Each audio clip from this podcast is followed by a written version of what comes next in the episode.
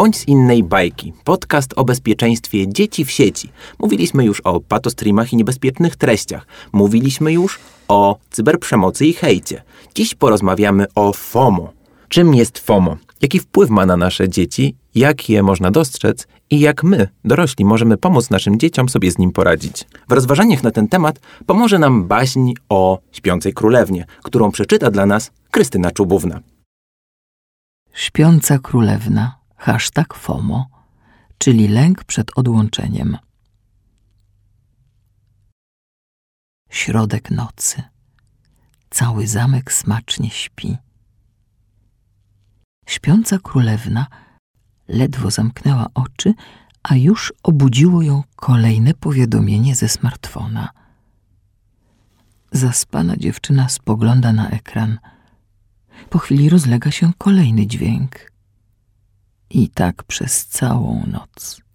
W końcu nastaje ranek. Królewna zrywa się z łóżka i siada do laptopa leżącego na biurku. Nowy dzień. Trzeba zacząć od porcji nowinek. Choć królewna spała tylko chwilę, liczba powiadomień sugeruje, że minęło ze sto lat. Królewna przegląda media społecznościowe. Koniecznie musi się dowiedzieć, co porabia królewicz ze swoim orszakiem. Co słychać u czerwonego kapturka i u siedmiu krasnoludków. Ma wiele do nadrobienia. Pod jej nieobecność w internecie tyle się wydarzyło. Gdy królewna spędza czas w sieci, w jadalni położonej dokładnie pod pokojem dziewczynki siedzą przy stole król, królowa oraz rodzeństwo śpiącej królewny. Wszyscy pytająco spoglądają na jej puste krzesło. Dziewczynka zapomniała o tym, że internet to nie jedyne miejsce, w którym dzieje się coś ciekawego.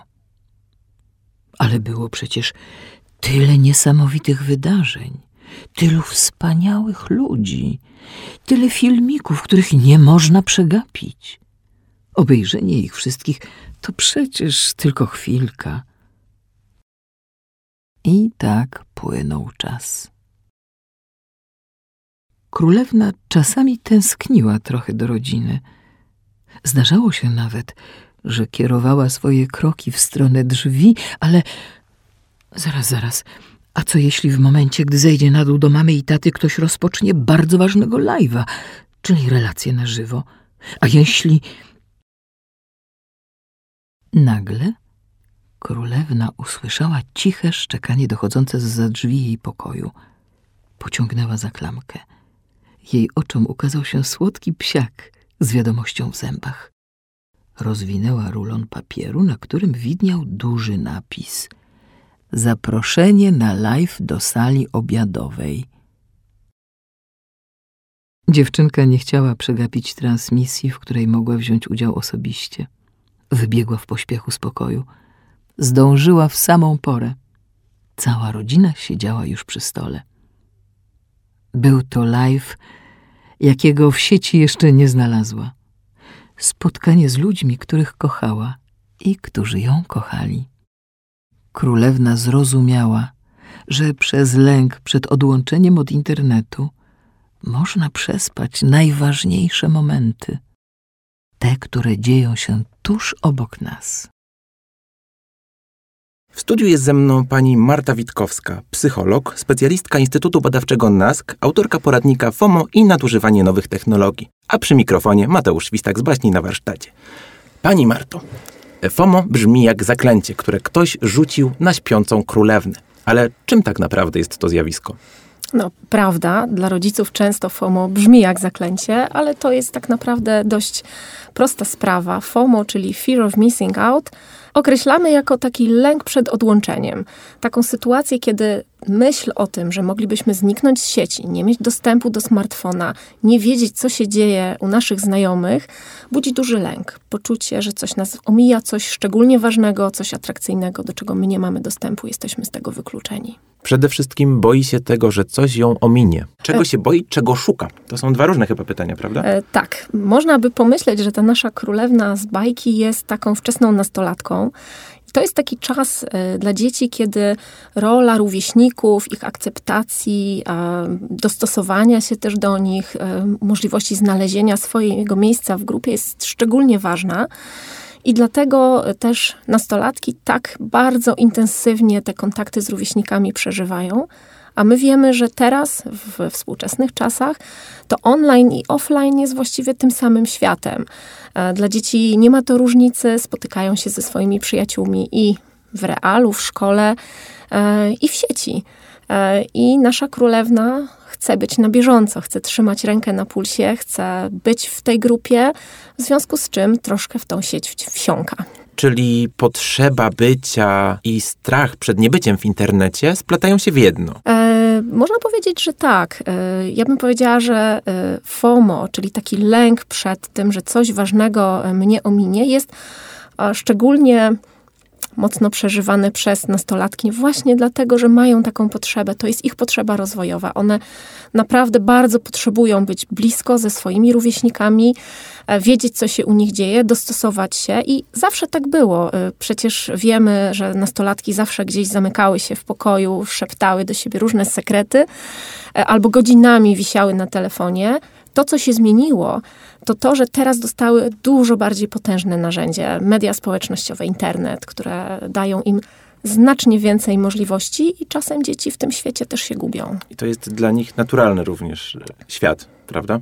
Myślę, że przyjmują go jako naturalny, bo w tym momencie nie znają świata bez tego. A czy nastolatkom przeszkadza to zjawisko? W sumie można powiedzieć, że tak, bo nasze badania Nastolatki 3.0 mówią nam o tym, że młodzi ludzie sami widzą, że y, tego smartfona używają nieco za dużo, mają z tym problem. Y, tak twierdzi prawie 60% młodych ludzi. Mniej więcej jedna trzecia z nich y, mówi też, że no tak, ale ja nie mogę wytrzymać bez używania smartfona. Muszę mieć go cały czas pod ręką. Nie wyobrażam sobie funkcjonowania bez niego, więc oni sami widzą, że to jest dla nich trochę problem, być może z którym potrzebowaliby wsparcia czy pomocy, żeby sobie poradzić. Razem źle, bez siebie niedobrze. Jak najbardziej. A jak w takim układzie działa FOMO? Jak to zaklęcie zaczyna na nie oddziaływać? Myślę, że to jest tak, że. Mm, że my po prostu zaczynamy i my, dorośli, bo oczywiście nie dotyczy to tylko dzieci, i dzieci, nastolatki, e, zaczynają coraz więcej e, czasu spędzać na śledzeniu tego, co się dzieje u ich znajomych, na pozyskiwaniu nowych informacji. E, to jest tak, że ta ilość informacji, jaka zaczyna na nie spadać każdego dnia, jest bardzo, bardzo przytłaczająca. Może tak naprawdę przyprawić o zawrót głowy. E, a jednocześnie w, cały czas nastolatki bombardowane są takimi zmieniającymi się trendami, normami, e, czasami sprzecznymi. E, świat nastolatków jest niezwykle dynamiczny, szybko się zmienia. W związku z czym, żeby nadążyć, trzeba poświęcać coraz więcej czasu i energii. I właściwie w pewnym momencie kończy się to tak, że wszyscy jesteśmy stale online. E, i jednocześnie nie bierzemy udziału w życiu. To trochę paradoksalne, prawda? No trochę tak. Można by powiedzieć, że bardzo dobrze wiemy, co dzieje się w tym świecie online, a mało e, interesujemy się, czy mało zauważamy to, e, co się dzieje wokół nas. I gdzie jest ta granica, kiedy ten lęk staje się niebezpieczny, kiedy FOMO staje się niebezpieczne? Czy można powiedzieć, że to jest uzależnienie? E, to nie jest do końca uzależnienie. E, ja w ogóle bym bardzo przestrzegała przed takim kategoryzowaniem, że, że dzieci są uzależnione od nowych technologii, od sieci, komputera, smartfona, ale z pewnością możemy powiedzieć, że dzieci mogą używać w jakiś problemowy sposób albo trochę nadużywać tych nowych technologii.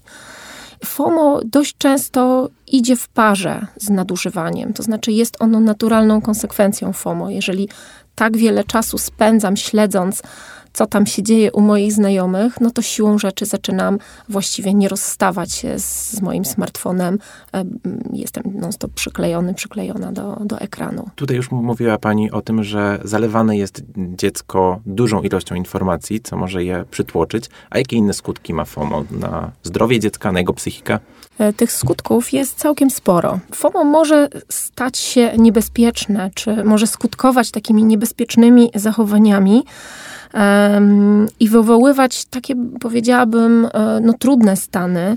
E, przede wszystkim możemy popatrzeć na to, że sam fakt bycia ciągle dostępnym jest bardzo trudny, jest wyczerpujący, odwraca uwagę dziecka, dekoncentruje. To jest taka sytuacja, kiedy jesteśmy w przymusie, aby odpowiadać na każde powiadomienie, aby reagować na, na każde piknięcie smartfona.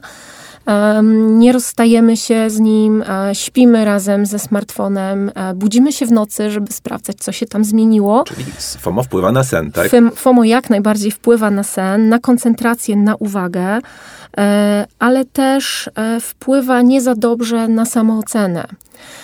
Z tego powodu, że młodzi ludzie obserwują ten taki piękny świat online, te piękne zdjęcia, piękne opisy, dość wyidealizowane nie do końca mając świadomość, czy nie do końca pamiętając o tym, że to, co zazwyczaj wrzuca się w sieć, to są te takie najfajniejsze rzeczy, jak trailer e, filmowy. Pokazujemy najciekawsze momenty. Nie pokazujemy tych gorszych dni, gorszego samopoczucia. I taki nastolatek, patrząc na to, co widzi w sieci, myśli sobie: kurczę, moje życie jest takie nudne, płaskie, pozbawione jakiegoś sensu. Wszyscy mają super, a ja jestem beznadziejny. Także mocno to wpływa na samoocenę. W związku z czym może też wpływać na to, że, że taki młody człowiek e, będzie bardzo oceniał swoją atrakcyjność, taką atrakcyjność towarzyską, społeczną, poprzez e, reakcję na jego posty, na komentarze, na zdjęcia czy różne materiały, które wrzuca do sieci. W związku z czym może reagować też takimi chwiejnymi emocjami, dużą euforią, ekscytacją, jeżeli ktoś zareaguje pozytywnie, jeśli pojawi się dużo lajków czy komentarzy, a poczuciem osamotnienia czy wręcz wyobcowania, jeżeli jego aktywność w sieci nie, nie zyska żadnych komentarzy, żadnej uwagi. To jest bardzo trudna sytuacja dla młodych ludzi, bo oni e, naprawdę tego potrzebują, e, czuć się ważni, czuć się potrzebni. Mm, I często też nie zauważają, że ta pogoń e, nie oddaje troszkę rzeczywistości. Z jednej strony bardzo są w sieci, ale z drugiej strony coś im ubywa z życia, tak? Jak najbardziej. Tak sobie myślę, bo mówiliśmy tutaj już w poprzednich odcinkach o tym, na jakie symptomy powinien zwrócić uwagę rodzic, kiedy jego dziecko nadużywa nowych technologii. Na co musimy zwrócić uwagę, na jakie zachowania, kiedy dziecko wpada właśnie w ten rytm FOMO. Myślę, że tutaj y, mm, zwróćmy uwagę na takie sytuacje, kiedy widzimy, że nasze dziecko y, naprawdę jest do tego telefonu przyklejone, nie rozstaje się, ale też ten y, ten wpływ tego świata online jest bardzo taki widoczny. To znaczy, nie można skupić się na jednej czynności, dokończyć jej, ona jest non-stop przerywana. E, dziecko nie może odłożyć telefonu podczas posiłku, podczas jakiejś, jakiegoś spotkania rodzinnego, e, chodzi z telefonem spać, kąpać się do toalety. E, właściwie on jest cały czas obecny w życiu. I tutaj taką małą uwagę z gwiazdką. Bardzo często jest tak, że rodzice mają tendencję, aby uważać, że, że dziecko za dużo czasu spędza w mediach społecznościowych, w internecie, z telefonem. I niekoniecznie to musi oznaczać, że to jest FOMO już. Ja bym powiedziała rodzicom, Powiedz dziecku o swoich obawach, powiedz, co widzisz, że ciągle siedzisz, ciągle ci to coś przerywa, nie możesz skończyć, skupić się na innych zadaniach. Co o tym myślisz? Nie podejmujmy sami takiej decyzji jako rodzic, bo nam się może wydawać, że to jest za dużo, ale pamiętajmy jednak o tym, że my też wisieliśmy na telefonie godzinami. Nastolatek też ma do tego prawo. Czyli nie możemy powiedzieć dziecku, za dużo siedzisz przy komputerze, za dużo siedzisz z komórką, masz szlaban, odłączam cię. To nie jest dobra metoda na budzenie śpiącej królewny. E, absolutnie to nie jest dobra metoda, e, ponieważ e, ona wywoła głównie błąd. Ja myślę, że tu możemy się też odwołać do naszej bajki, w której e, rodzice śpiącej królewny w bardzo sprytny sposób dotarli do swojego dziecka, wykorzystując tak naprawdę jej sposób funkcjonowania, czyli zapraszając ją na ten live obiadowy, uwzględniając jej rzeczywistość, to w czym ona żyje, e, robiąc to w taki dowcipny i lekki sposób, zachęcając tak naprawdę do kontaktu e, i do bycia w tej bezpiecznej bazie, jaką tworzy rodzina, najbliżsi, co jest bardzo ważne dla nastolatka, nawet jeśli wszystkim wokoło i jemu samemu wydaje się, że niekoniecznie już rodzice mu są potrzebni. Rodzice są bardzo potrzebni. To jest fajne. Zabranianie, odbieranie, kasowanie tak naprawdę e, nie przyniesie żadnego skutku. Wspomnieliśmy tutaj już o jednym sposobie na dotarcie do dziecka, czyli używanie jego własnych środków wyrazu. Jakie są inne sposoby, żeby o tym zjawisku porozmawiać, żeby obudzić naszą FOMO królewnę. Poza tym, że powinniśmy wspólnie się temu przyjrzeć, co się w ogóle dzieje wokół tego używania e, nowych technologii, e, to tak naprawdę rolą rodzica będzie takie wyposażenie tej królewny, myślę, w, w umiejętności. W umiejętności na przykład krytycznego spojrzenia na treści, jakie widzi online zrozumienia, że to, co tam się dzieje w tym świecie tak atrakcyjnym i pięknym, nie wszystko takie jest, albo jest to treść wyselekcjonowana. Pomoc w wypracowaniu takich zdrowych nawyków, jak na przykład ten domek dla smartfonów w naszej bajce, e, gdzie, gdzie jednak uczymy, że e, małymi kroczkami, że możemy zrobić coś małego, potem jakiś kolejny krok, kolejny krok, żeby znaleźć przestrzeń w naszym życiu e, dla bycia offline, bo trochę przyrośliśmy do tej nowej technologii i powinniśmy to robić też wszyscy. Powinniśmy pomóc dzieciom kontrolować czas. Dzieci oczekują tej pomocy, bo internet jest tak atrakcyjny, że bardzo ciężko się od niego oderwać, e, że tak powiem, na własną rękę. Co wiemy jako dorośli. Oczywiście. Tak po naszej rozmowie dochodzę do takiego wniosku, że sieć też jest miejscem, w którym dzieci dorastają i tam również spotykają wyzwania. Internet sam z siebie jest taką przestrzenią, która daje nam taką obietnicę, że możemy być kim chcemy. Możemy kreować się w dowolny sposób i to może e, młodym ludziom trochę pomagać, bo mogą wypróbować różne sposoby na określanie siebie. To jest przecież dla nich czas na budowanie tożsamości. Ale też internet ma taką, jest to taki haczyk mały, bo internet nie zapomina. E, wszystko, co tam się znajdzie, e, prawdopodobnie będzie można kiedyś odszukać, więc e, nasze dzieci jak najbardziej wymagają, potrzebują przewodnika, dobrego przewodnika, takiej dobrej wróżki, e, dobrych rodziców królewny, którzy czasem e, potrząsną, obudzą, powiedzą: Hej, my tu jesteśmy, jesteśmy dla ciebie, ze wszystkim możesz przyjść, o wszystkim możemy porozmawiać. Nie, Potrzebujemy cię. I nie kryjemy wrzecione. E, niekoniecznie. Dobrze. I jeszcze jedno pytanie. Gdyby dorośli poszukiwali informacji na temat tego, w jaki sposób rozmawiać z dziećmi, w jaki sposób kontaktować się z nimi, gdy już problem się pojawi, gdzie mogą szukać pomocy? Materiałów na ten temat y, jest sporo. Zapraszamy oczywiście do sięgnięcia po nasz poradnik FOMO i nadużywanie nowych technologii, ale też e, zawsze w takiej sytuacji, kiedy, kiedy rodzic jest zaniepokojony intensywnością e, używania nowych technologii przez dziecko, może zasięgnąć porady w na przykład linii 800 100 100. To jest taka linia dla rodziców, dla nauczycieli, gdzie można pozyskać różne informacje na temat tego, jak sobie poradzić z takim problemem, jak zaplanować kolejne kroki. Oczywiście można też wykorzystać naszą baśń do Jak najbardziej. rozpoczęcia tej Zapraszamy. rozmowy. Zapraszam również na stronę kampanii Nie zagub dziecka w sieci i oczywiście na stronę Akademii NASK. Tam możecie Państwo znaleźć e, więcej materiałów poświęconych temu zjawisku. Dziękuję bardzo za rozmowę. Ze mną w studiu była pani Marta Witkowska, psycholog, specjalistka Instytutu Badawczego NASK, autorka poradnika FOMO i nadużywanie nowych technologii. Bardzo dziękuję za rozmowę.